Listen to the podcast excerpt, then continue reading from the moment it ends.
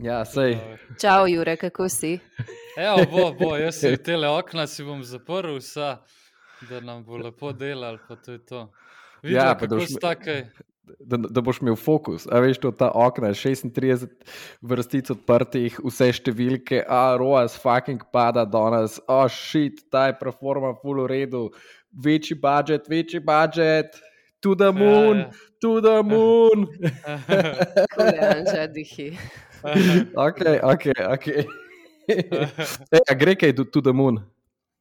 Uh, ja, in nekaj projektov smo imamo, ki ful lepo raste, nekje so pa tudi stragli. No. Dela nam predvsem tam, ker imamo dober ta multi-channel narejen, veš, ko imamo tudi zraven še Google dobro narejen, ko imamo TikTok zraven, e-mail, influencerje zraven, tam, ko imamo pa tako, ne vem, one channel, tam je pa dejansko je ful težavno.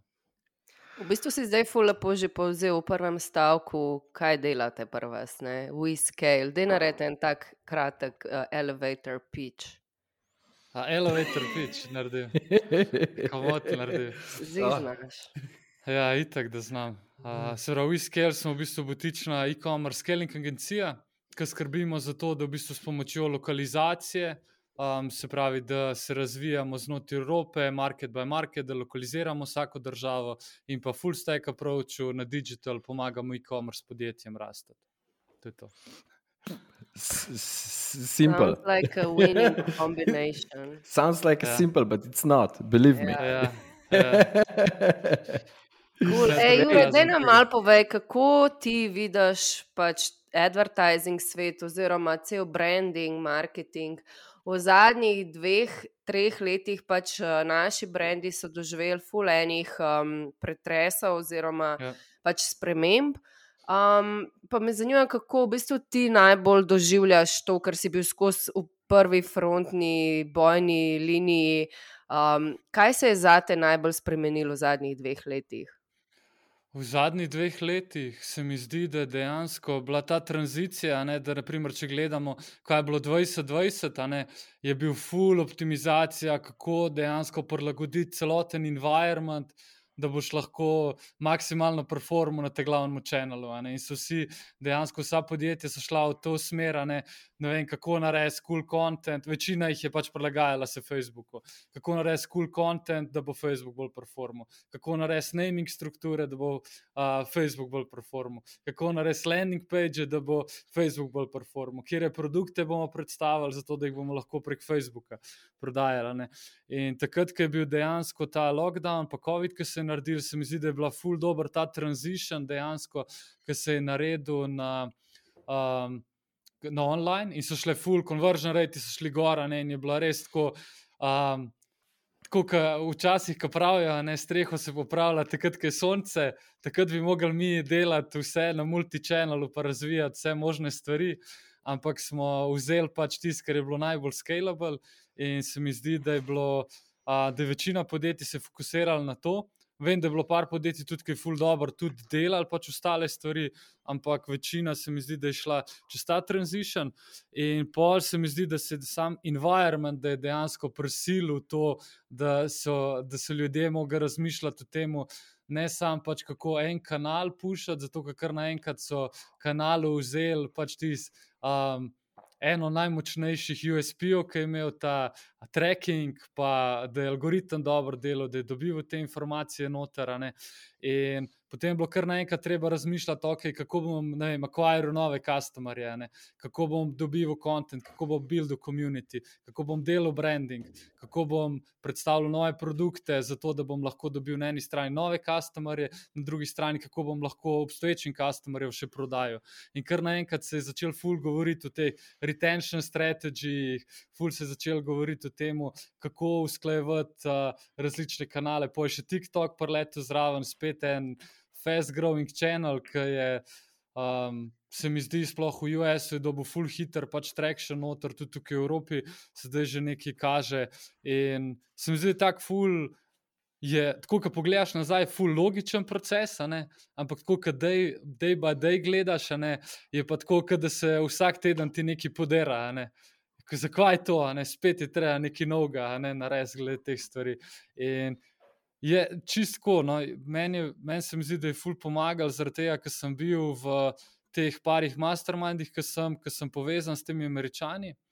Um, in se tudi spomnim, ko smo se en let nazaj, ko smo se pogovarjali, tudi takrat, ko je iOS bil lansiran, te spremembe, privacy change. In oni meni govorijo, o bog, kakšna škoda je, performance nam je dropno, ne vem, tok pa tok. Pa sem jaz, ko prnač ni, prnač ni nič, ne? mi imamo vse kule. in pol čez 3-4 mesece sem prišlo. Ampak je fajn, ker se pože pogovarjaš, kaj oni delajo, in se lahko prilagodiš na temo. No, tako da zdi se mi, da je full da je ful šlo iz tega, ne, da je bilo prej ful teh Facebook, first biznisov, do tega, da zdaj dejansko biznisi tranzišajo v to, da imajo multi-channel noter. Pa po drugi strani, da tudi zdaj tisti, ki začnejo, se ful drugače lotevajo kot pa ostali. Ful hitreje delajo e-mail marketing, ful hitreje delajo SMS marketing, ful hitreje influencerje delajo, ful hitreje bojo vem, na YouTubu, na TikToku postavljali stvari. No. Tako da parih stavkih bi rekel, no, da to je bila pot, ampak če se želite v kakšen detajl glede tega, pa z veseljem poskočimo noter. Bomo. Maybe. To je zdaj tako, za vse, ki ste to zdaj poslušali iz prve bojne linije, Jurek Knehtel. Ej, uh, ful, ful, dobro, ful, dobro. Ne, ne, tako, itak je, tudi tako, kot vsi ostali, se tudi mi, mi soočamo, veš, tako, gre, gre uh, e-commerce, online marketing, gre čez ene take zelo bumpy ride. Ampak vse te stvari dajo itak ful veliko priložnosti, zaradi tega, ker se moraš skozi hitrejš prilagajati, uh, nove stvari pomenijo v bistvu samo nove priložnosti in to je nekaj, kar nas vse tudi v bistvu driva. Ej, ja. pa še tako, kar si omenil TikTok, imate že kakšne resne rezultate iz TikToka? Ja, mi zdaj, da ja, mi TikTok smo začeli zdaj par mesecev nazaj delati. In pač, ko na eni strani je bil cilj, je bil, da dokažemo, da se da, da se da dejansko tam to. eno break-even delati, na drugi strani pa tudi, da rata pač profitabilno noter. In se tukaj bi tudi mogoče pač poudaril, da zdi se mi, da tukaj je ful pomembno tudi mindset, da ni zdaj, ka vedno, ful. ful ful privlačno iti na novo stvar, ful privlačno iti, ja, bomo delali to, zato ker je to trendi. Sam po drugi strani se mi zdi, da je ful pomembno, da imaš tiste resurse, da na eni strani se izboljšuješ na stvareh, ki delaš, da si boljši v Googlu, da si boljši v Facebooku, da si boljši v e-mailu. Na drugi strani pa da. Um, tudi buildaš pač nove stvari. In za moje pojme je to fuldorno in da je ločen tim, da na eni strani imaš vem, developing novih kanalov, na drugi strani pa tudi grovanje obstoječih kanalov. Ker na koncu ni zdaj, kako imaš procentualno razporejen budžet. Ampak, koliko lahko dejansko investiraš profitabilno overall? Ker če zdaj za ceno tega, da imaš večjo diversifikacijo, moraš riskirati 40% budžeta, ne, to ni ok, če recimo se ti gre za rastane. Tako da, če se vrnem na TikTok, kako smo se ga mi v bistvu začeli. Lotevati je bilo tako, da smo rekli, okay, kakšni, so, kakšni so investmenti, ki jih imamo trenutno, kot skupaj, kot budžet, in smo začeli najprej investirati 10% od tega. Um, zato smo začeli testirati noter, tretirali smo ga ok, kot um, acquisition channel, se pravi za acquisition novih customerjev in se je full dobro tudi pokazal, zaradi tega, ker je ta množica ljudi, ki je tam gor, veliko ljudi, recimo jih na drugih kanalih ne dosežemo in smo dobili full enih customerjev dejansko gorane in po je stvar tako tudi v dveh, treh tednih, pa enih je trajalo, ne vem, cca en mesec noter, je stvar šla že proti break-evenu, ampak kot TikTok noter, me, mene je presenetil, zato ker sem v bistvu v Facebooku lešvanju se zdaj crka 8 let, In TikTok je res požrešen z vidika kreativ, ko kreativ rabiš. Ali? In je tako, ne vem, trikrat več kreativ, ki jih rabiš, recimo na Facebooku, ki ful hit, hitrej, um, tudi v bistvu se ugašajo ne stvari. Tako da v bistvu v teh parih mesecih no, smo pač prišli do tega, da smo začeli tudi uh, overall, pač tudi šestmestne številke dejansko investirati skupaj v TikTok noter. Um, je pa bilo tudi kar nekaj teh procesov, pa to treba prilagoditi, pa tudi razumeti v bistvu platformo. Nekaj mi smo šli z našim Facebook knowledgeom za kreative in je bilo treba full v bistvu spremeniti mindset okoli tega, kako se naredi, kakšni ljudje so tam. Videli smo tudi, da ne, so bolj impulzivni ljudje, da je treba imeti kakšen offer poseben noter, oziroma da je nakupna pot čim krajša. Tako da to bi rekel, da je bila naša izkušnja do zdaj na TikToku. Ej, kaj pa starost? Tako, ne vem, vsi smo tako, ko smo mi delali kampanje, ker resnici mi še ja. nimamo več dosti uspeha, smo malo testirali, ampak mogoče smo klele en korak zadnji, čeprav to ne rad priznam, ampak um, bomo dali na, na, na gas tudi na tem področju. Ampak A so mlajši? Mi smo imeli CPM, torej cost per million za, za tisoč ljudi, v bistvu ful dobre rezultate, samo pač ni bilo nakupov in to nas je potem mačkan ustavili, uh, nismo digali še naprej s kreativami, samo kako imaš ti v bistvu glede tega, koliko je to star audience, kako se odloča za nakup, uh, kako je bilo prvo sto. Mi smo šli dejansko z produkti, ki so bili tako, age group je bil tam med 25, glaven age group je bil tako med 25 in 40. Sem imel tudi pomisleke najprej na začetku, pač kaj se bo zgodil, ampak itak v bistvu na advertising sajtu lahko dejansko določaš leta. In je bilo ful, je bilo nihanja od države do države. Na kakšnih najbolj vzhodnih trgih je bilo tako, kot si rekel, ful pocen, pa moj, ful pocen, kliki na kupi nobenega, na nakupa nobenega, ne noter. Medtem ko kakšni bolj te developed market, Nemčija, Italija, Francija, tam smo dejansko tudi videli, da so bili vem, stopne konverzije, da je bilo tako ne vem, okoli ena pa pol, od ena do ena pa pol, nekje celo dve, in smo videli, da okay, na teh marketih se splača pač dejansko delati naprej. Tako da na eni strani je ful je pomemben, kaj se na samo industriju dogaja, koliko v bistvu tudi oglaševalcev že na trgu, ker običajno, ko prideš med prvimi, je ful cenejše noter, ampak v bistvu userji niso še navajeni kupovati prek te platforme, direktno, da kliknejo glas in zaključijo nakup. In je za njih nov user experience. In če greš ti na en market, naprimer kot je Nemčija. Nemčija je že kar pač dosti developed na TikTok advertisingu, tam je tudi nakupna namera, je večja pri tem. In je full dobro, da ti dejansko vem, narediš research, koliko se v posamezni državi, ki hočeš, koliko se oglašuje tam na konverzijo, in pa v bistvu fokusiraš marketing aktivnosti na tiste države noter. Ker mi smo, mi smo hoteli štartati vem, na sedem trgov, na koncu nam je naredil, da smo na dveh rekli, okay, gremo biti full dobri na dveh, zato ker vidimo, tukaj je ta purchasing behavior in smo potem tudi content, pa v strategiji prilagodili okoli tega. No. Tako da to je v bistvu ta izkušnja, uh, ki smo jo imeli iz vidika marketa, pa tudi v bistvu te, ki so bili starostne skupine noter, smo videli, da v bistvu še vse je bilo na teh državah več kot 40 postov uporabnikov, je bilo več starih kot 30 let, kar je bilo full dobro za nas. Ful zanimiv. Ej, večkrat si že omenil, pa vem tudi tako nasplošno, mislim, v bistvu v svojem elevator pitchu si tudi povedal, da vi delate zelo lokalizirano. Ja. Um, po Evropi, po državah evropskih, ker si verjetno, predvidevam iz tvojih osemletnih izkušenj, si, si večkrat dokazal, da evropske države to zahtevajo, um, se pravi, lokaliziran pristop. Pa me zanima, koliko to še vedno drži, oziroma do kere mere greš z lokalizacijo, uh, recimo, da delaš zdaj za en brand, a delaš od spletne strani. Um, prevoda do vseh oglasov, do pač ne vem, narediš TikTok kanal, posebej za, recimo, če zdaj rečem Nemčijo. A, a veš, kako daleč greš, oziroma a, kje, kakšen je ta pristop? -huh, ja, uh, fuldoro vprašanje, hvala.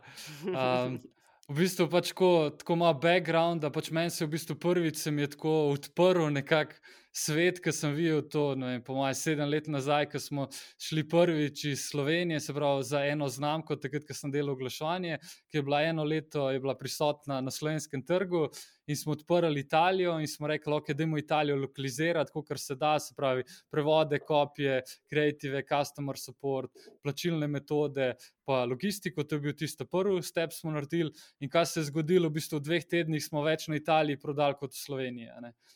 In pa smo, aha, ok, there's something there. Ne? In pa smo v bistvu večkrat sem dejansko probaval ta koncept in vem, da pa enih dejansko deluje tudi to, da lahko prodajajo v angleščini, targetirajo celo Evropo, sploh pri kakšnem fashionu, pri beauty stvarih, tudi pri skincarih, take stvari je, se da do določene mere prodajati.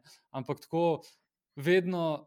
Ko pa smo testirali potem English versus local, je bilo vedno local je bil boljši. In običajno se podjetja se bojijo tega, zato ker je več dela v zadnje. Se pravi, je treba lokalizirati, je treba IT, je treba pač uskladiti s tem, da imaš vem, na lokalni strani narejen, je treba določene plačilne metode implementirati, ki so lokalne, je treba lokalen customer support narediti. In v bistvu, kaj mi običajno delamo, mi pravimo pač lokalizirati res, kar se da. Se pravi, v prvi vrsti gremo čistko, ok, gremo prevesti stvari, um, spletno stran, kopije, vse, newsletterje, lokalen customer support dobiti, glavne plačilne metode implementirati. Um, to, da v bistvu imaš enega MVP-ja na začetku, se pravi, ni nam pogoj, običajno, da rečemo, ok, rabimo najboljšega lokalnega dostavljalca, zato da začnemo. To lahko delamo, pol, ko bomo enkrat na marketu delali, ne vem, 100 jurjev ali pa več ampak pol v bistvu iz tega gremo potem, ok, da imamo dobiti vem, lokalen kontent, da imamo dobiti video testimonije, da imamo začeti uh, z lokalnimi influencerji delati. Pa gremo še korak naprej, rečemo, ok, hočemo, da so influencerji za nas pomemben kanal, ne poznamo, kdo je popularen v Italiji, da imamo najet influencer specialista, ki je iz Italije, ki bo delal influencer marketing v Italiji za nas. Se pravi, ga bomo mi usmerjali kot strategiji, influencer, influencer marketing strategiji, on dela operational work, pa pač, ker pozna trg, ne glede teh stvari. Pa gremo še lahko korak naprej, če je fuldora država. Gremo najdemo lokalnega copywriterja, se pravi, da ni translator, ampak je copywriter, ki je down the road, če hočeš pač full velike številke delati, je full pomembno, ne samo da je preveden prav, ampak da ne izgubiš tega sales language, glede teh stvari. Tako da jaz bi rekel, da pri lokalizaciji, tisto, kar je v naši domeni, pravimo res iti čim, čim bolj v detajle. Um, tako da potem pa v bistvu na podlagi tega pravimo iti čim bolj globino. Torej, v bistvu iščete fulejnih freelancerjev potem iz lokalne države. Ja, ja. Se ja, pravi, tiste ja. stvari, ki lahko delamo, pač kot centralno, bi rekel, ne, se pravi, vem, strategijo, uh, media buying, lahko tudi delaš, ne, uh, tudi vem, samo analitiko, testiranje, abo testiranje, IT-ja, ne rabiš lokalnega ali teh stvari, ampak tisto, kar je pa native za to, a ne pa uporabljamo pač lokalne strokovnjake, poleg tega pa tudi veliko damo lokalni vem, agenciji ali pa komu, ki dela pač v full velikem e-commerce podjetju, audit. Za audit našo spletno stran v glase, zato tudi lokalen strokovnjak ti reče: vem, To smo imeli primer, smo imeli v Nemčiji. V Nemčiji smo, pač, smo se kar nekaj časa matrali, nikakor nam ni ratali, in pa smo se v bistvu z enim povezali, ki ima agencijo, ki dela za 20 nemških klientov, nam je naredil audit na desetih straneh, kaj dejansko je treba narediti, stvari smo popravili in je šlo. Tako da to se mi zdi, da je ful pomemben, da res pač probaš as much as possible pač tudi koristiti te lokalne resurse. Ni treba za vse pozicije imeti lokalno osebo, ful se da s freelancerji delati, ampak mislim, da je to kar eden od ključ pri teh ta velikih biznisih, ki sem delal zraven, da so lahko prišli tako visoko, kot so. Ja, je pa tako, kot si že v samem začetku rekel da vsak brand ima full specifiko, ne da se generalno za vse določiti. Nekatere stvari lahko tudi laufajo. Že pri nas, ki vidimo, da imamo dva oziroma tri brende, da je vsak brand v bistvu full, full specifičen in da nekje ja. se da zelo veliko več delati v, v angleščini, nekje rabaš ja. mačkan več lokalizacije. In, in tako naprej. Tako da je, je spet specifika od samega izdelka. Mm, ja. Kako ste pa zdaj velik tim? Zdaj, trenutno imamo, po mojem, 32 ljudi, dve Hudo. leti smo na marketu, a, tako da je kar lušten. To pa Ej, je pa kako bi rekel, ja, full dobro, um, pač v iskej. Če se reče, da imaš izkušnje odprej, tako da, da malo hiter povej, v bistvu ja. tvoja pot, na začetku prva agencija, potem scaling ja, ja. Uh, brenda oziroma postavitev kot CMO in potem spet nazaj agencija, tako mačka. Ja. Ja, Se mi ja. zdi zelo zanimiva zgodba, kako, ja, ful, ja. kako si šel. ja, v bistvu najprej, najprej tako, ne čist takrat, ko sem najprej iz faksa, ko sem prišel, ne jaz sem hodil na EFA. Um, je bilo pač, imel sem kao smer podjetništva, ne, ampak jaz nisem imel pojma, kako bi delal. Pač res. Neč, pač uno študiraš, uno tri leta za tabo, kaj zdaj, ne vem. Okay. In hvala Bogu, sem imel takrat pač možnost ene prakse, a ne tudi delati, ki je bil en izberen predmet praksa. In sem počel v bistvu pač prakso delati v en performance agency. In takrat. To je bilo 2014, ni bilo neki full velik performance agency, jih je bilo full malo, ne. večina je bilo teh traditional agency. In v bistvu tam sem nekako to strast, po mojem, ful dobro klapala, ne potem unoter, ker na eni strani sem ful bil za številke, ful mi všeč to testiranje, probavanje, noter, ugibanje, učenje. Um, in sem dobil pač nekako to strast za številke, in pa sem v bistvu pri 21. 21, 22, sem takrat začel v bistvu prvi agency in takrat prvi šok, tako za me je bil, da greš prvič iz tega, da si advertiser, od tega, da, si, da imaš kao svoj biznis. Pa za me ta prvi šok je bil, da se moraš zmeniti s kom, a ne da ti sploh da v bistvu oglašovati. Se pravi, jaz sem znal oglašovati, saj nisem se znal zmeniti dejansko, um, da dobiš stranko, ne, da ti nekdo zaupa, ej, da boš ti delal glase za me. Kljub temu, da tehnično znanje sem imel. In je bilo takrat tako eno tako ful, uh, zanimivo obdobje za me, ne, ker sem se mogel pač v noke, da imamo takrat je bilo ful to, da si pač klical, da si mailil, cold calling, cold mailing, a ne noter, zato si dobil par sestankov, pa priješ tja na sestank in pač ne znaš prodati, ne. Ok, dajmo se še to naučiti, ne, noter. In je bilo ful, takrat ful enih teh ljudi. Kako si se video. to naučil? Aha. Aha. Veš, kaj, ful sem YouTube videe gledal, pa pa sem šel dejansko en kurs, sem si kupil tudi za to, in ti si ful pomagal, um, ker te v bistvu te skupini ljudi, ki sem jih imel jaz takrat, ne, jaz sem se pač združil s sovrstniki, in pač takrat oni niso delali teh stvari. No, ter in se zdaj, ne vem, oni so se pogovarjali, ne vem, ok, kaj na faksu, kdo ima še ni spit, pa to noter, in nisem takrat tudi imel nikoga, da bi rekel, hej, kako pa zdaj, ne vem kako strukturirati pricing, kako ne vem, ga prepričati, da bi delal s tabo, kako ponudbo, kako s pogodbami, glede teh stvari. Uh, moram reči tudi tukaj, da mi je ful, pač moja sestra Maja mi je tudi pomagala uh, glede teh stvari, pač res ful. Uh, ko je bila še vse pač, uh, bolj nakonektana, starejša je bila, pa mi je tudi povezala z ljudmi, tudi prve par strank, ki sem dobil, sem dobil prek nje, tako da tudi telefon mi je posodila. Special thanks to Maja, voje. Ja, itak, res. Le, tudi tako. Tudi telefon. To je še vedno dost full dober tim, ne? Okay, sorry, ja, itak, ja. Prekinjam. Ne, ni panike. Ne, sploh ni panike, tako takrat je bilo tudi, ne vem, ona mi je svoj star telefon isto dala, veš, to, da se lahko pač na njemu delo, ne, zato ker sem imel pač omejen budžet, koliko sem imel prešparan za prispevke, koliko je bil untis life, life uh, uh, črn, ki bi ga lahko pač plačval za te stvari, tako da imel sem nekaj. Ja, vsi smo bili tam. Ja, za ne vem, štiri mesece, tako da pa si prav, pač res ula pohaslati stvari. Uh, tako da, ja, pa, pa v bistvu pač to, greš čez par kursov, probaš, prve par sodelovanj pač narediš za ston, zato se pač dokažeš pri tem. Ful je bilo pa tako zanimivo, nekaj nimaš, na začetku ni bilo pač unga pritiska, veš, ne vem.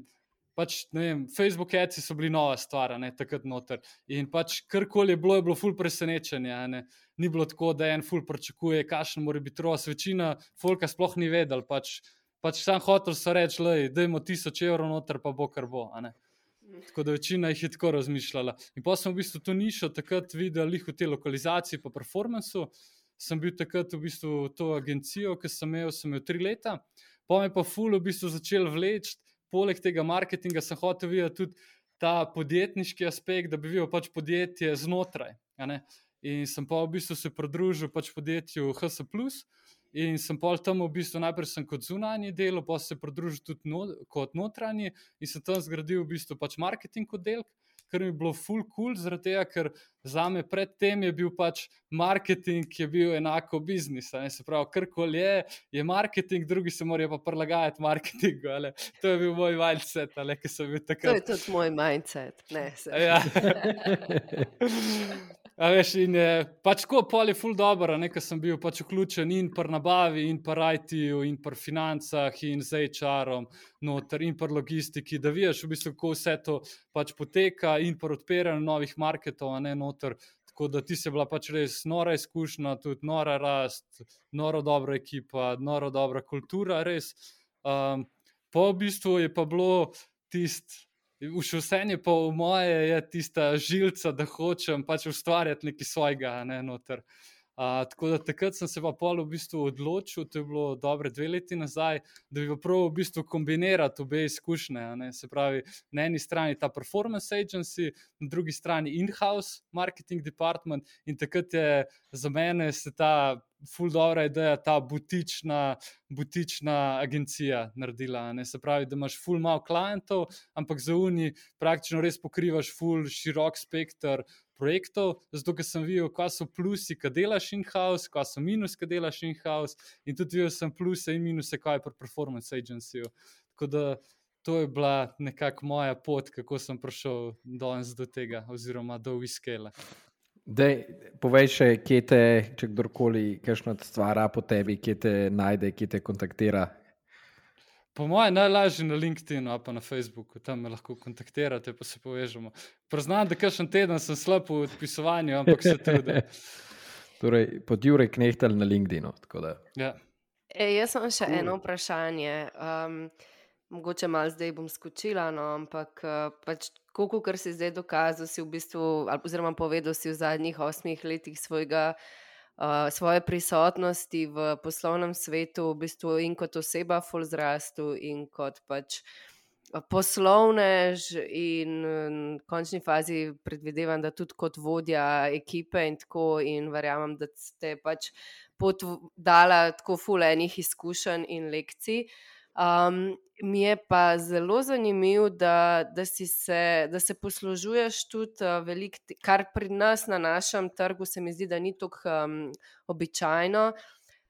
Umenil si že um, masterminde, v katerih si pa tudi um, večkrat si tudi javno govoril o tem, da imaš uh, mentorje, s katerimi delaš.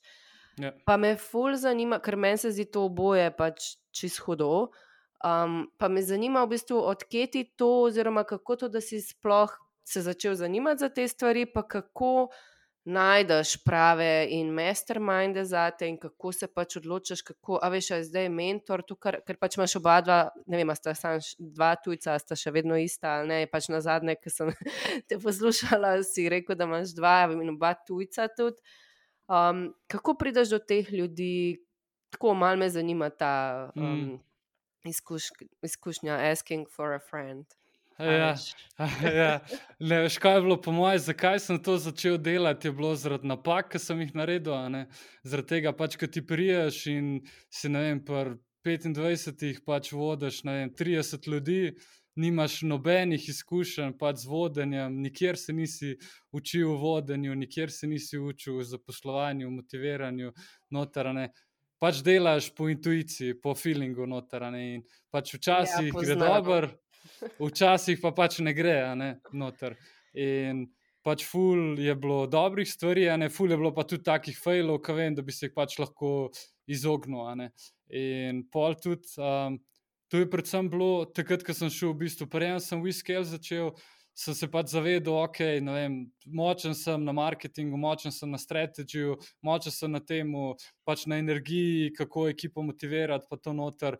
Nisem močen vem, v procesih, nisem močen v strukturi, nisem močen v viziji, noter, ful teh enih področji, ne noter. In sem pa prvo v bistvu na podlagi tega se si najdete pač pomoč.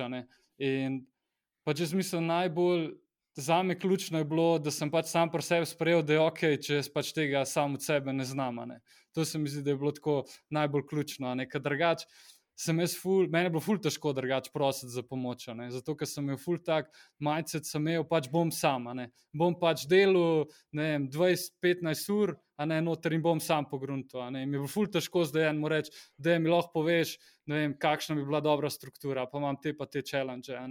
Noter in Um, pa sem se začel najprej pač tukaj v Sloveniji pač malo pogovarjati noter, ne, in um, nikakor ne, nisem prišel do tistih pravih ljudi, ki bi mi dali tiste prave informacije iz branže, v kateri sem. In sem pa začel full podcaste poslušati. Prej jih nisem dejansko tako poslušal, ampak takrat sem eno obdobje, sem jih full poslušal, ker sem si želel, na eni strani sem se hotel naučiti tega prodajanja brandiranih produktov, a ne kar prej sem delal v bistvu sam čisti performance, noter in sem hotel, okay, kako brandirane produkte prodajati, kako iz tega brenda tudi graditi v zadnje. In pa se začel s temi, ki so bili podcast, podcast hosti pogovarjati. In pa so kar, pote kar, veš, nekako se povežeš s pravimi ljudmi in pač sprašuješ vprašanja. A to je evropejce ali američane? Uh, oboje. Se pravi, dejansko je bilo tako, um, ta, ta prvi kontakt, ki je bil je iz Litve, bil, um, ki je drugače imel pač agency v US-u, ki so imeli 80 zaposlenih. Zrastli so v dveh letih, pa pol do tega, vse tim so imeli na remote, in je bila ful zanimiva že ta, ker pač meni to ni bilo poznano, ne, da imaš lahko tako podjetje, pa da vse na remote. Ne. In že to mi je bilo ful, sem sprašoval, in eno je bilo tudi zanimivo, veš, kontra, tudi oni dobo ful ene vrednosti od mene. Ne. In pa kar ustrajaš pri tem, konstantno povezuješ se, daš veljo, pol ti un reče, ja, mi imamo to, mi imamo to, in pa si naenkrat si na kolu s petimi osebi, osebami in imaš štirje, ima isti problem, enega pa nima, pa ga vprašaš, kot ti drugač delaš, pa mu reče, ja, meni pa ta pomaga. Ah, hudo, a imaš kontakt od njega, ali tudi tako v drugem lahko pomaga. Ali še in posel se tako, ne? in posel smo si par teh. Uh, Kočev smo si najdali, ker v bistvu pač temu si Jaz tako razmišljam, da s tem si v bistvu kupaš čas. Se pravi, tisti, ki bi se mogoče sam naučil no, v enem, dveh letih, a ne noter te mogoče z enim, kaj delaš, te lahko nauči, oziroma pač skupaj so ustvarjati to vem, v treh mesecih. Tako da za me je pač rad ulagam v te stvari. Um, noter, tako da pač tak mindset imam, tudi pravim, da vsak teden, vsaj z dvema, kakšna knowledge sharing kola, pa to noter, da vidim, kaj drugi delajo in tudi da dobim kritiko na une stvari, ki mi delamo, ker zdi se mi, da tiste stvari, ki delaš na robe, so še bolj pomembne, kot one, ki jih delaš prav.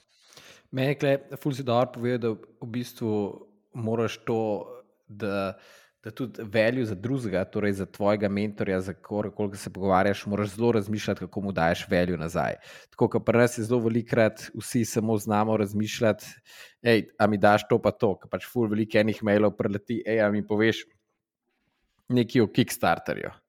Ja, ne, sej, se čisto super. Isto, sam, treba je se razmišljati, kakšen value lahko, lahko dajemo. Tako kot si v bistvu prej ti v bistvu za mentorje pač zelo lepo najprej začel govoriti o tem, veš, kakšen value mu dam lahko nazaj in da si razmišljal, kakšen value mu dam lahko nazaj. Tako se mi zdi, da je to en odnos, če, če hoče kjerkoli odnos, veš, ali je to zdaj zveza ali je to karkoli, friend, pač je, je, je skozi. Tudi razmišljaš o tem, da, da je oboje stranski veljo, in tudi pri ja. mojem, pri mentorju, moraš tako razmišljati. Ker se na eni strani imaš to, veš, recimo, je znanje, ki ga lahko preneseš, na drugi strani pa tudi mogoče povezava, ki jo ti imaš, pa jo on nima, pa lahko ne mu pomaga. Ker s tem, recimo, ki smo mi delali, ki je pomagal tako na management delu, ne, je bilo v bistvu ful zanimiv, ker. Pač on je bil res, on je delal vem, na HND-u, je delal 18 let. In je prišel pač na pozicijo, ki je imel oddelek čez, ki je bilo 2000 ljudi v njemu. In on je bil na tem management delu, je bil res odličen. Ni bil pa tako nakonektan, recimo, v tej industriji, ki sem jaz. In se ga jaz pa povezal in je dobil, ne vem, štiri klijente prek tega. In še zdaj mi tako vem, napiše, vse vesel, hej, ja, veš, da zdaj s temi, s temi smo to, to, to naredili. Kljub temu, da jaz njega ne morem neki full naučiti v managementu. Mi je pa dobil pač potencijalne stranke, ne tudi tega. Tako da ni vedno to sam tisti, da na prvo žogo tisti, ki misliš, da bo veljo, ne bo mogoče veljo za tisto osebo. Ampak ja, sam, da greš ja, tem mindsetom, da daš tudi. Vse drugače, tudi vsi, ne vem, pa se nimam neki za ful izkušen, ampak ne vem, ful rad pomagam. Uh, Tudi nekomu, ki je na začetku, ki v resnici ti zelo veliko tudi da, ker pač ti tebe lahko nekdo, ki je danes čist na začetku, uh, uh, Weber veliko nauči, zaradi tega, ker na začetku mora drugače razmišljati, ima že ene ustaljene procese, narejene in, in je velikrat tudi tako, da je, da je veljo za oba, sam pač morata ja. oba razmišljati, da daje ta uh, dober veljo. Jure, zdaj pa še čist neki.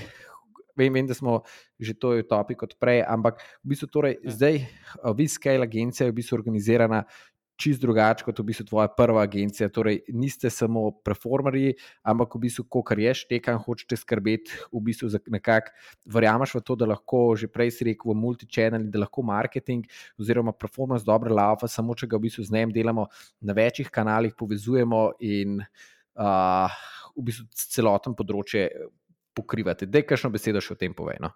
Ja, um, veš kako v bistvu pač mi običajno delamo s podjetji, full velikat, ne, tak, tako percepcijo ljudje imajo, da če hoče priti k nam, morajo imeti ne, milijonske budžete.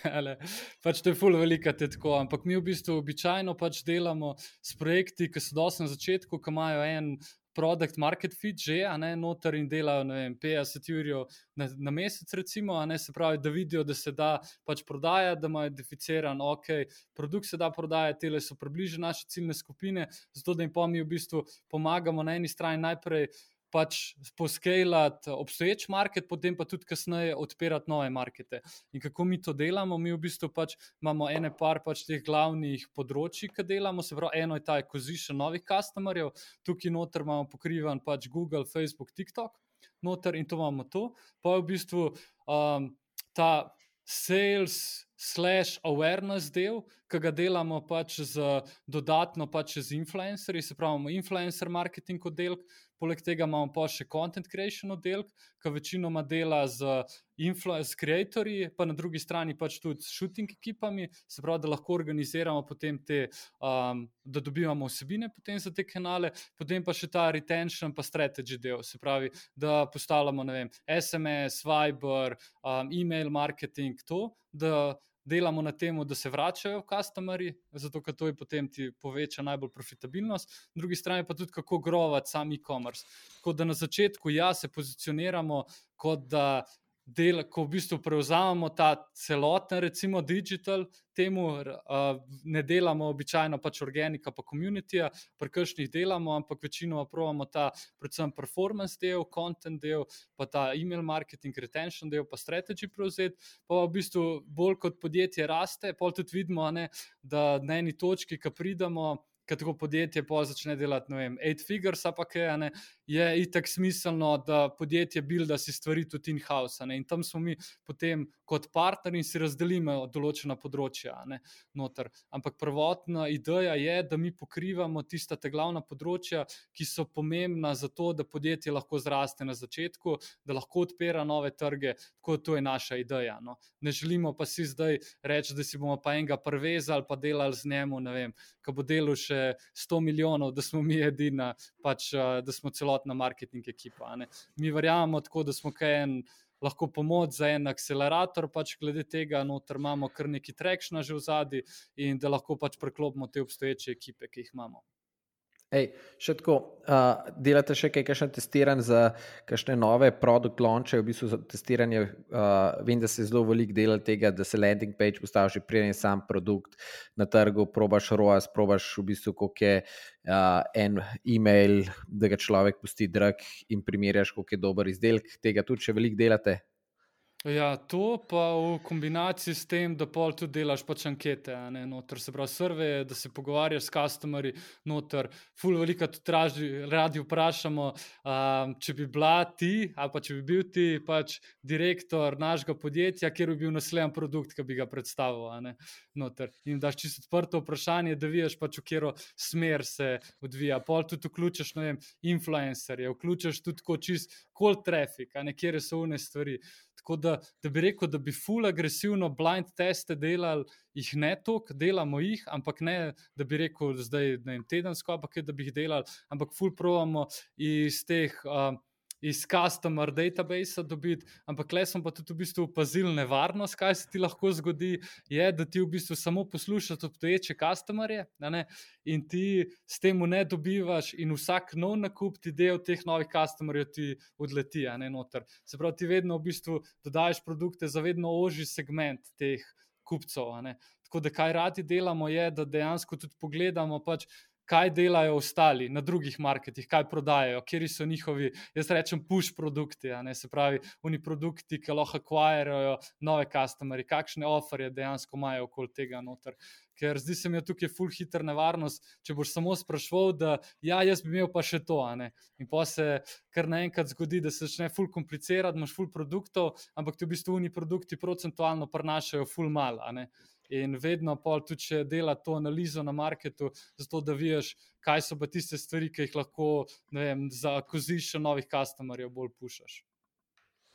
Ej, to, A ste imeli že kakšno, ne vem, še kakšno, ko vem, da si bolj znan po, da imaš stranke na področju e-commerce, uh, ste imeli že kakšne stranke, mogoče iz, na SAS področju, na, na kripto področju, čistko tudi kakšne to vrstne stranke, ali ste e-commerce fokus? Zdaj trenutno delamo samo e-commerce noter svetoval, sem že pač parim SAS biznisom, tudi v preteklosti, pred Wiskelom sem delal te stvari, ampak zaenkrat smo še kar lojalni za e-commerce.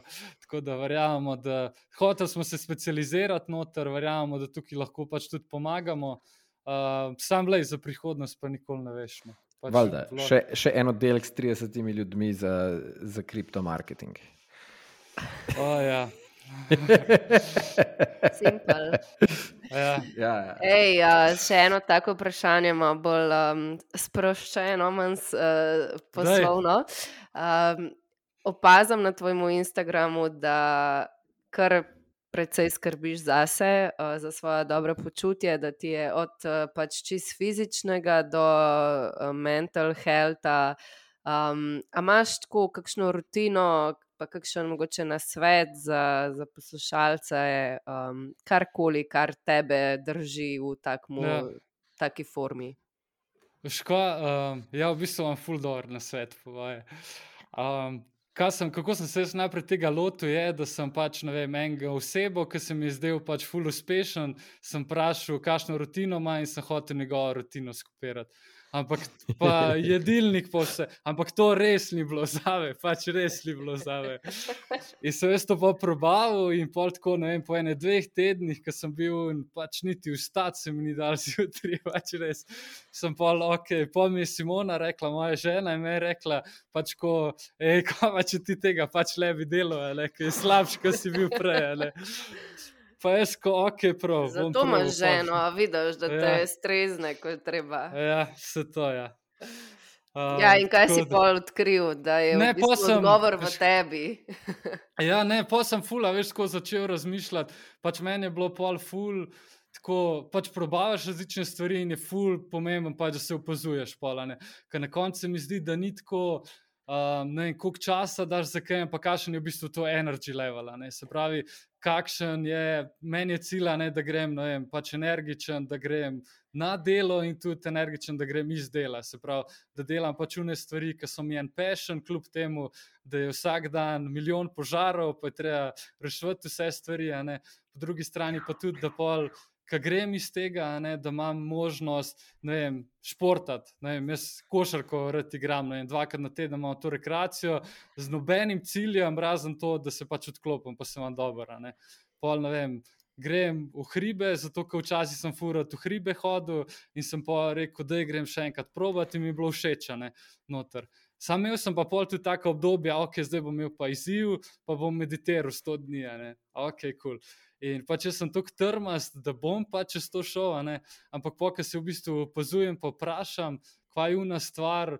Um, a sam delam zato, da delam, a me dejansko pač res sprosti, sem prišel do tega, da delam zato, ker delam. In zdi se mi, da je ful dobro, da pač osebe tako da vejo, kaj se da narediti, da greš lahko meditiraš, lahko greš na kolo, lahko greš teč, lahko se družiš s prijatelji, um, lahko imaš ješ tako pa tako hrano noter. Ampak na koncu je ful pomemben.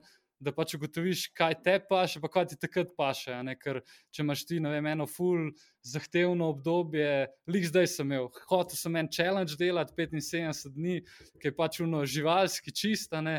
In je spet. Čak, to Simona, sem nekaj videla, kaj, kaj ja, si že imel, kaj je bilo živalskega. Dva ja, treninga ja, na dan. Ja. Aha, ja. a je to, ok, ok. Ja, pač ko je fule treningov, dieta je zraven, branje je noter, noč alkohola, noter, tako ful, štiri litre vode moraš spiti na dan. Pač kul, cool, drugače slišiš se ful dobro, ne. Sam neče. Um, Odpiraš pa če eno blago. ne, a pa le, jaz sem imel zdaj.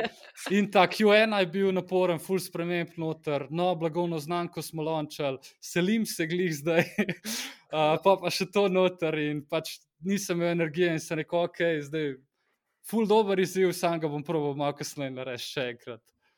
Top. Uh, cool. zihar, jaz sem bila zihar, da boš rekel, da si gluten free ali pa kaj. Okay. Come on, give me something. ne, stila, ne, so tudi. Drugače, stila, to je že zdaj pa tradicionalno, to postaja zadnje tvoje vprašanje. Ja, zaradi tega, ker me zanima, pa nočem, ne vem, kako je folko, jih to zanima, ampak mene res zanima, pač kaj ljudje, ki jih spoštujem, občudujem pri njihovem delu in pač, ka vem, da uh, vsak tak um, zahtevno, zahtevna pozicija um, zahteva pač tudi ful dober performance in pač ful dober moraš biti pripravljen, kot sem že prej omenila. In me zanima pač, kako ljudje skrbijo ja. za sebe. No? Ker se mi zdi, da, da, smo, da so mi časi, ko, ko smo. Ker se je mislil, da se kar zdravje zgodi samo od sebe. No? In ja. tudi sama osebno pač ful posvečam pozornosti temu. In uh, še do zdaj, še, mislim, da deset od deset gostov je odgovoril, da nekaj dela za sebe. No. Pač vsak ja, sicer ja, na svojem področju, ampak tako. To mi je pač ful všeč in ful dobro. Ja, na koncu se mi zdi, da je ful pomembno, da imaš ene une momente, kjer lahko pozabiš na te stvari. Ne? Da ne nosiš jih 24-7 za sabo, ne noter, ampak da imaš pač nekaj tazga. Ne? Vse te zanima, vse imaš pešen, vse je vse to, vse ni zaradi tega, pač, da delaš te stvari, pa zdaj ne, vem, ne maraš delati. Pa kaj, ne. Ampak se mi zdi, da je fult tako, da je spet ta energy level, ta battery, da si nafilaš noter, da je to pač fult pomemben. In to je lahko ful različno. Ne? Za ene je to meditacija, za ene so, vem, da potujejo tok pa tok časa, za ene je to tudi družina, da so vem, mama, oče noter tako ful različne imaš. In zdi se mi, da je tako res vsak preseb. Da, in tudi te stvari se, po mojem, down the road se ful spremenjajo. Ful, itak. Ja, cool. Hvala. Ej, da ne bomo predolgi. Uh, okay. Best. Ful, ful, dober pogovor, Jure, ful, respektava, kar delaš, tako da keep on doing that. Hvala, uh, hvala vsem, ki ste poslušali in živijo.